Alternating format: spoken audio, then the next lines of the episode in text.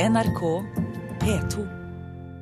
Siv Jensen mener den norske modellen står i veien for det norske folk og for fornuften. Hun har visst ikke skjønt hva denne modellen er, svarer Jens Stoltenberg.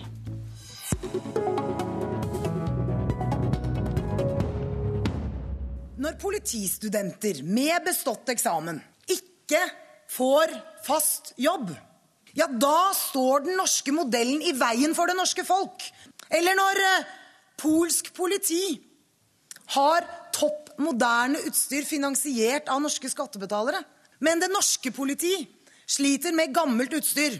Da står den norske modellen i veien for det norske folk. Handlingsregelen står i veien for fornuftige tiltak. Men mine damer og herrer, da står den norske modellen i veien for det norske folk! Et lite potpurri fra Fremskrittspartileder Siv Jensens tale til eget landsmøte på fredag. Statsminister Jens Stoltenberg, hva tenkte du da du hørte dette angrepet på den norske modellen? Jeg tenkte at det i og for seg var befriende klart. At det er eh, en ærlig sak at Fremskrittspartiet er uenig i den eh, samfunnsmodellen vi har utviklet i Norge over eh, flere tiår. Og det har Fremskrittspartiet vært i 40 år. Vi har i 40 år sagt at vi beveger oss i gal retning, og likevel har vi kommet til et sted som er bra sammenlignet med hvordan det var i Norge tidligere, og bra sammenlignet med hvordan det er i andre land, men selvfølgelig ikke en feilfri samfunnsmodell. Men hva er det ved den norske modellen du mener at hun angriper, da? Hun angriper jo selve det grunnleggende vi har oppnådd, nemlig at vi får til mer i fellesskap enn å overlate den enkelte til seg selv. At det å ha gode fellesskap i den enkelte eh, frihet. Det er knapt noe annet samfunn der enkeltmennesket har større frihet. I samfunn som har bygget gode, sterke fellesskap, enten en god offentlig fellesskole, det er barnehager, eller er det et pensjonssystem som vi betaler for i fellesskap. Trygge mennesker er frie mennesker. Trygge mennesker våger mer. Og dette er en samfunnsmodell der vi har greid å kombinere en sterk offentlig velferdssektor med et veldig dynamisk og privat eh, arbeidsliv, eh, næringsliv. En jevn inntektsfordeling, og ikke minst løse ting i samarbeid, eh, samråd med hverandre, ikke konfrontasjon og konflikt. Vi har bygget mye tillit gjennom denne modellen. Ok, Siv Jensen, Hvordan definerer du den norske modellen, for å ta det først? Ja, bare la meg si Alt det statsministeren også er jeg enig i. Jeg er enig i at trygge mennesker er frie mennesker, og jeg er enig i at den nordiske modellen, som er det statsvitenskapelige begrepet, er en modell som har høstet bred støtte både her og i våre naboland, og som handler om at vi har fellesskapsfinansierte løsninger gjennom skatt, eh, at vi har gode sosiale ordninger, like rettigheter osv. Det er det ingen uenighet om. Det jeg har vært opptatt av å få frem i min tale, er at etter hvert så begynner modellen å stå i veien for individene.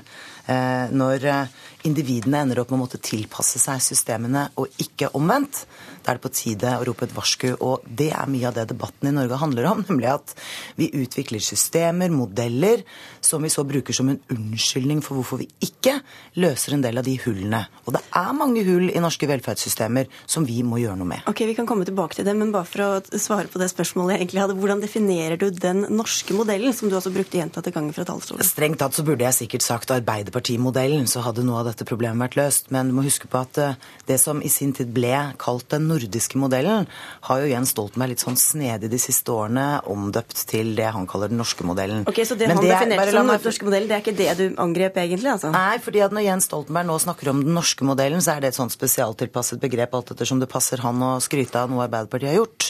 Eh, og jeg tror også han sier det fordi det ikke behager han særlig at det har blitt borgerlige regjeringer i eh, andre nordiske land. Eh, jeg tror vi skal være litt sånn begrepsredelig. Nordiske modellen er det som statsvitenskapelig alle snakker om. Det jeg kritiserer, er at Arbeiderpartiet er blitt så systemtro at de glemmer at individene bør ha rettigheter. Men hva er da, når det ikke er den nordiske modellen du snakker om, hva er da den norske modellen? Nei, det jeg kritiserer er altså Det er systemkritikk jeg kommer med. Jeg sier at når, når vi tviholder på et gammeldags system for å organisere eldreomsorgen, og det gir oss køer, manglende rettigheter. Er, det, er det den norske modellen? Da, da må vi snu debatten på hodet. Da må vi begynne å diskutere hvordan vi skal la individene få større rettigheter. og Det er derfor vi snakker om lovfestede rettigheter, nytt finansieringssystem, endring av bemanningsnormene, for å nevne ett eksempel. Ok, Men kan du definere den norske modellen som du angrep? Igjen så sier jeg jo at den nordiske modellen er noe vi alle sammen ja, det er ikke det jeg spør om. Nei, men det jeg sier er at min tale var systemkritisk. Det var altså at når individene ender opp med å tilpasse seg systemet, så må vi snu det rundt, fordi det er systemet som skal tilpasse seg individene. Jeg mener for at det er veldig bra at vi har litt ideologisk debatt, eh, verdidebatt, litt debatt om samfunnssystemer og samfunnsretning. Vi kommer til å diskutere mange enkeltsaker, men denne debatten her mener jeg er en viktig debatt, og det skal Siv Jensen ha honnør for at hun eh, tar opp. Eh, den, det er fellestrekk mellom den norske og den nordiske modellen, men det som kjennetegner den norske modellen, det er for det første at vi har en stor offentlig sektor, at vi er villige til å forsvare et høyt skattenivå, at vi har et velorganisert arbeidsliv med sterke lover og sterke fagforeninger. Og jeg vil også si en viktig del av den norske samfunnsmodellen er også at vi har det vi kaller en framtidsrettet familiepolitikk. men gjelder ikke den nordiske modellen lenger i de andre nordiske landene? Jeg sa det var fellestrekk, men ikke minst når det gjelder samarbeid i arbeidslivet. Det at vi har sterke parter, det at vi har ganske sentralisert lønnsdannelse, det at vi kan inngå uh, nasjonale forlik i arbeidslivet om store reformer, som f.eks. en pensjonsreform. Men, også... men hva er forskjellene da mellom den norske og den nordiske modellen? Ja, Det er bl.a. det jeg nå sa. Altså, mm. det, er, altså, det, er, det, er, mange likhetstrekk, uh, men det er også forskjeller. Og de ser vi nå kanskje sterkest i arbeidslivet samarbeid mellom partene i arbeidslivet, det trepartssamarbeidet der vi får til mye i Norge, både når det gjelder eh, altså reformer i arbeidslivet, lønnsdannelse, som fastsettes veldig annerledes i Norge enn i de andre nordiske landene. Altså Den nordiske modellen er du ikke så begeistret for eh, nå lenger? Den er, den, den er, veldig lik den norske. og det er klart at det Derfor er det eh, gode fellestrekk, men det er også noen forskjeller.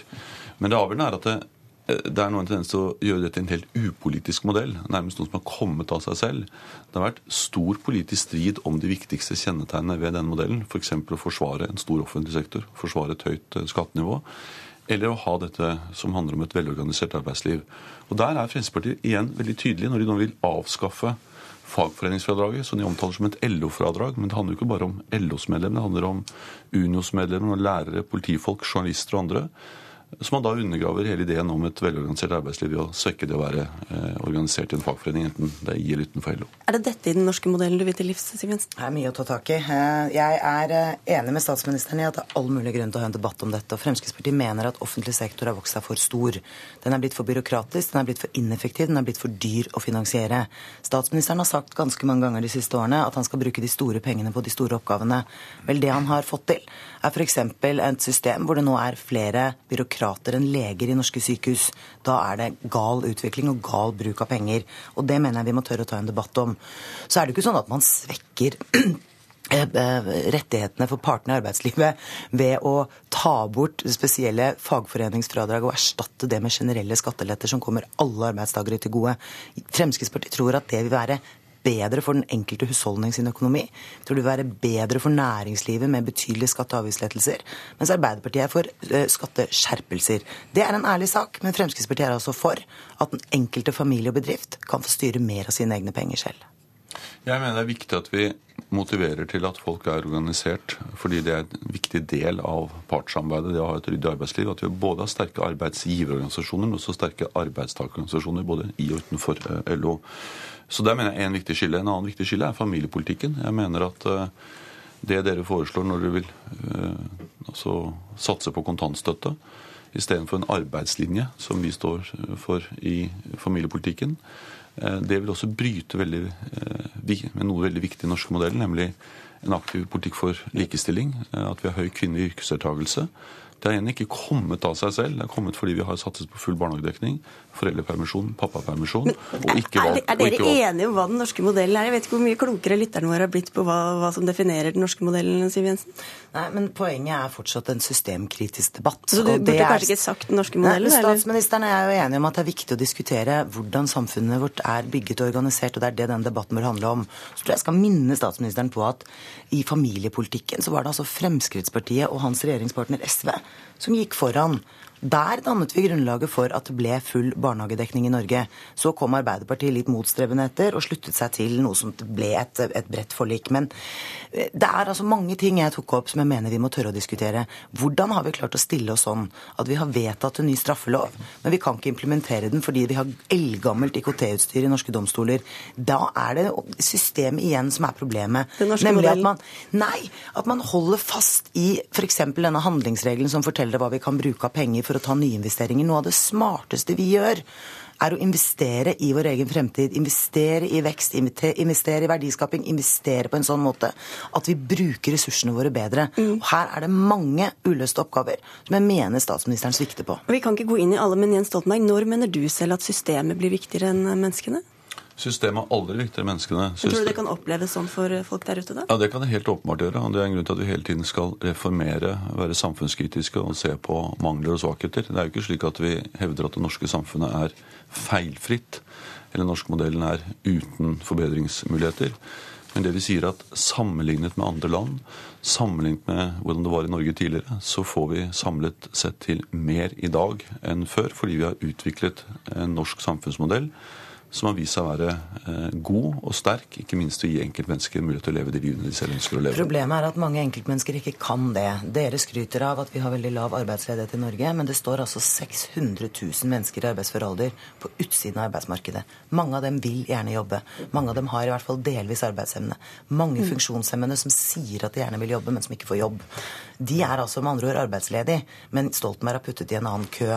Dette er utgifter for vårt samfunn og for den enkelte, som er av så stor betydning at hvis ikke vi gjør noe med det, så, så, kommer det til å være et stort problem for det norske samfunn i mange tiår fremover. Jeg er enig i at en av de største svakhetene i det norske samfunnet, og dermed også den norske samfunnsmodellen, er at det er for mange mennesker står utenfor arbeidslivet. Eh, og det vi gjør med pensjonsreform, den nye uførereformen som kom i 2014, og ikke minst det vi gjør med inkluderende arbeidsliv, får ned sykefraværet, er viktige tiltak for å bygge broer tilbake i arbeidslivet for de som stenges ute. Vi må også innom eh, kjapt noe annet som vakte oppmerksomhet fra Fremskrittspartiets landsmøte, nemlig partiets holdning til klimaendringen og klimaforskningen. Siv Jensen, slutter Frp seg nå til føre-var-prinsippet? Fremskrittspartiet gir uttrykk for eh, to ting. Både at vi skal iverksette tiltak som er fornuftige, og da har vi et globalt fokus på det. Men så tillater vi oss å ha en kritisk tilnærming. Det er det veldig mange av verdens forskere som har, og det mener jeg også vi bør gjøre i Norge. Så er det sånn, hvis man ser på mange av de tiltakene den sittende regjering har iverksatt, ja. så har det jo ikke strengt tatt vært særlig, særlig vellykket. da. Men, men, slutter dere dere til føre-var-prinsippet? Vi har uttrykt eh, betydelig eh, skepsis. Vi sier at det er eh, at, eh, at eh, vi må følge nøye med. Vi ser og registrerer at det er utviklingstrekk som ikke er bra. Men samtidig så peker vi på at de tiltakene vi bør iverksette, bør være av global karakter. Hvordan vurderer du dette, Jens Stoltenberg? Jeg vurderer at Fremskrittspartiet fortsatt er uklare på vår tids mest alvorlige miljøproblem. Eh, de er uklare både i hvilken grad det faktisk eksisterer et menneskeskapt klimaproblem, og de er uklare i forhold til det som er det grunnleggende, nemlig at vi er nødt til å handle før det er for sent, før var-prinsippet. Og eh, det som er alvorlig, er at de blander sammen to typer usikkerhet. Selvfølgelig er det usikkerhet rundt virkninger av klimaendringer. Selvfølgelig er det usikkerhet rundt kompliserte sammenhenger. Det forskes, og FNs klimapanel gir oss stadig ny kunnskap. Men det er ikke usikkerhet rundt det fundamentale, nemlig at utslipp av klimagasser som mennesker forårsaker, er en avgjørende årsak til global oppvarming. er et stort og alvorlig klimaproblem, og vi må handle. handle. Da, Nå, kanskje Stiv Jensen må slippe det. Altså, hvorfor stoler dere ikke mer på FNs klimapanel? Ja, sannheten er jo den at den menneskeskapte delen av utslippene er forsvinnende liten sammenlignet med alle de andre eh, driverne av klimaendringene. Klimaendringer de skjer, det er det ingen som bestrider. At også mennesker bedriver utslipp, er det heller ingen som bestrider. Det vi må diskutere, er hvordan vi skal iverksette tiltak som virker. Og det Stoltenberg og hans regjering har gjort, er å lansere månelandingsprosjekter som har endt i mage, mageplask. Ja, det, er, det er milliarder av kroner som ikke har kommet til fornuftig anvendelse. og Det mener jeg statsministeren har et ansvar for å svare for. Men det er noen som lurer på om du vet hva klimapanelet er og gjør? Kan du forklare ja, jeg, det? Jeg vet at eh, ja, Men det er altså hva er, det, hva er det da? FNs klimapanel består jo av en lang rekke mennesker, både forskere, men òg politikere, som sammen har funnet frem til det de anser som et kompromiss. Så er det mange forskere rundt omkring i verden som ikke slutter seg til de konklusjonene som FNs klimapanel har kommet til. Den debatten mener jeg vi må ta på alvor, rett og slett fordi eh, det er mange som hevder at det er andre årsaker til at den utviklingen vi ser, kommer. Jens Stoltenberg, hvorfor er det verre at Frp ikke anerkjenner klimapanelet og klimaforskningen enn at dere gjør det, men ikke får ned klimagassutslippene så mye som dere har sagt dere skal? Så for det første så går klimagassutslippene ned i Norge. De er nå de laveste siden 1995. Men ikke i en sånn fart at dere skal nå målene deres, slik det ser ut som? Vi kommer til å nå våre mål, som er 30% reduksjon innen 2020. Både gjennom tiltak hjemme og gjennom tiltak ute. I tillegg til tiltak hjemme så iverksetter vi betydelige tiltak ute. Bl.a. bidrar vi til å stanse avskoging i Brasil. Det største enkelttiltaket når det gjelder reduksjon av utslipp av verdens klimagasser.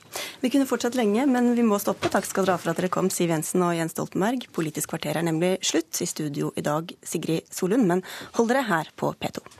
Hør flere podkaster på nrk.no podkast.